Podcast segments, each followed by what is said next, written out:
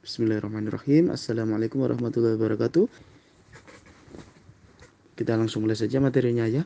Sebagai warga negara yang baik, kita harus memahami dan mempelajari pendidikan kewarganegaraan, yang mana di dalam situ dijelaskan mengenai materi dan tata cara menjadi warga negara yang baik.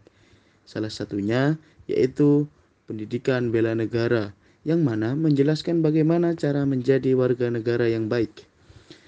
Pelaksanaan menjadi warga negara yang baik harus dipraktekkan dan diajarkan mulai sejak dini dari seluruh lingkungan yang ada di Indonesia, seperti lingkungan kampung, lingkungan keluarga, lingkungan sekolah, serta lingkungan kampus, yang mana di situ menjadi tempat berkumpulnya para masyarakat luas, agar kita juga memberikan pemahaman kepada mereka mengenai menjadi warga negara yang baik.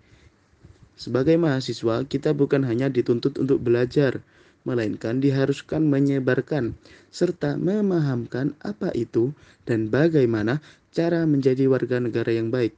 Seperti kita mensosialisasikan vaksinasi yang saat ini lagi gencar-gencarnya disosialisasikan oleh pemerintah, yang mana vaksinasi sendiri menjadi syarat utama untuk melaksanakan bepergian atau masuk ke dalam mal-mal mewah.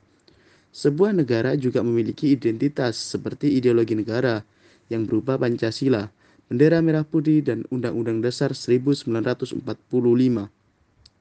Sebagai warga negara yang baik pula, sebaiknya ketika kita mendengar sebuah berita yang sekiranya menimbulkan konflik, kita harus menelusuri apa benar berita tersebut sehingga kita harus mencari tahu lebih dahulu agar kita tidak mendengar secara mentah-mentah yang mungkin berita tersebut dapat menimbulkan perpecahan.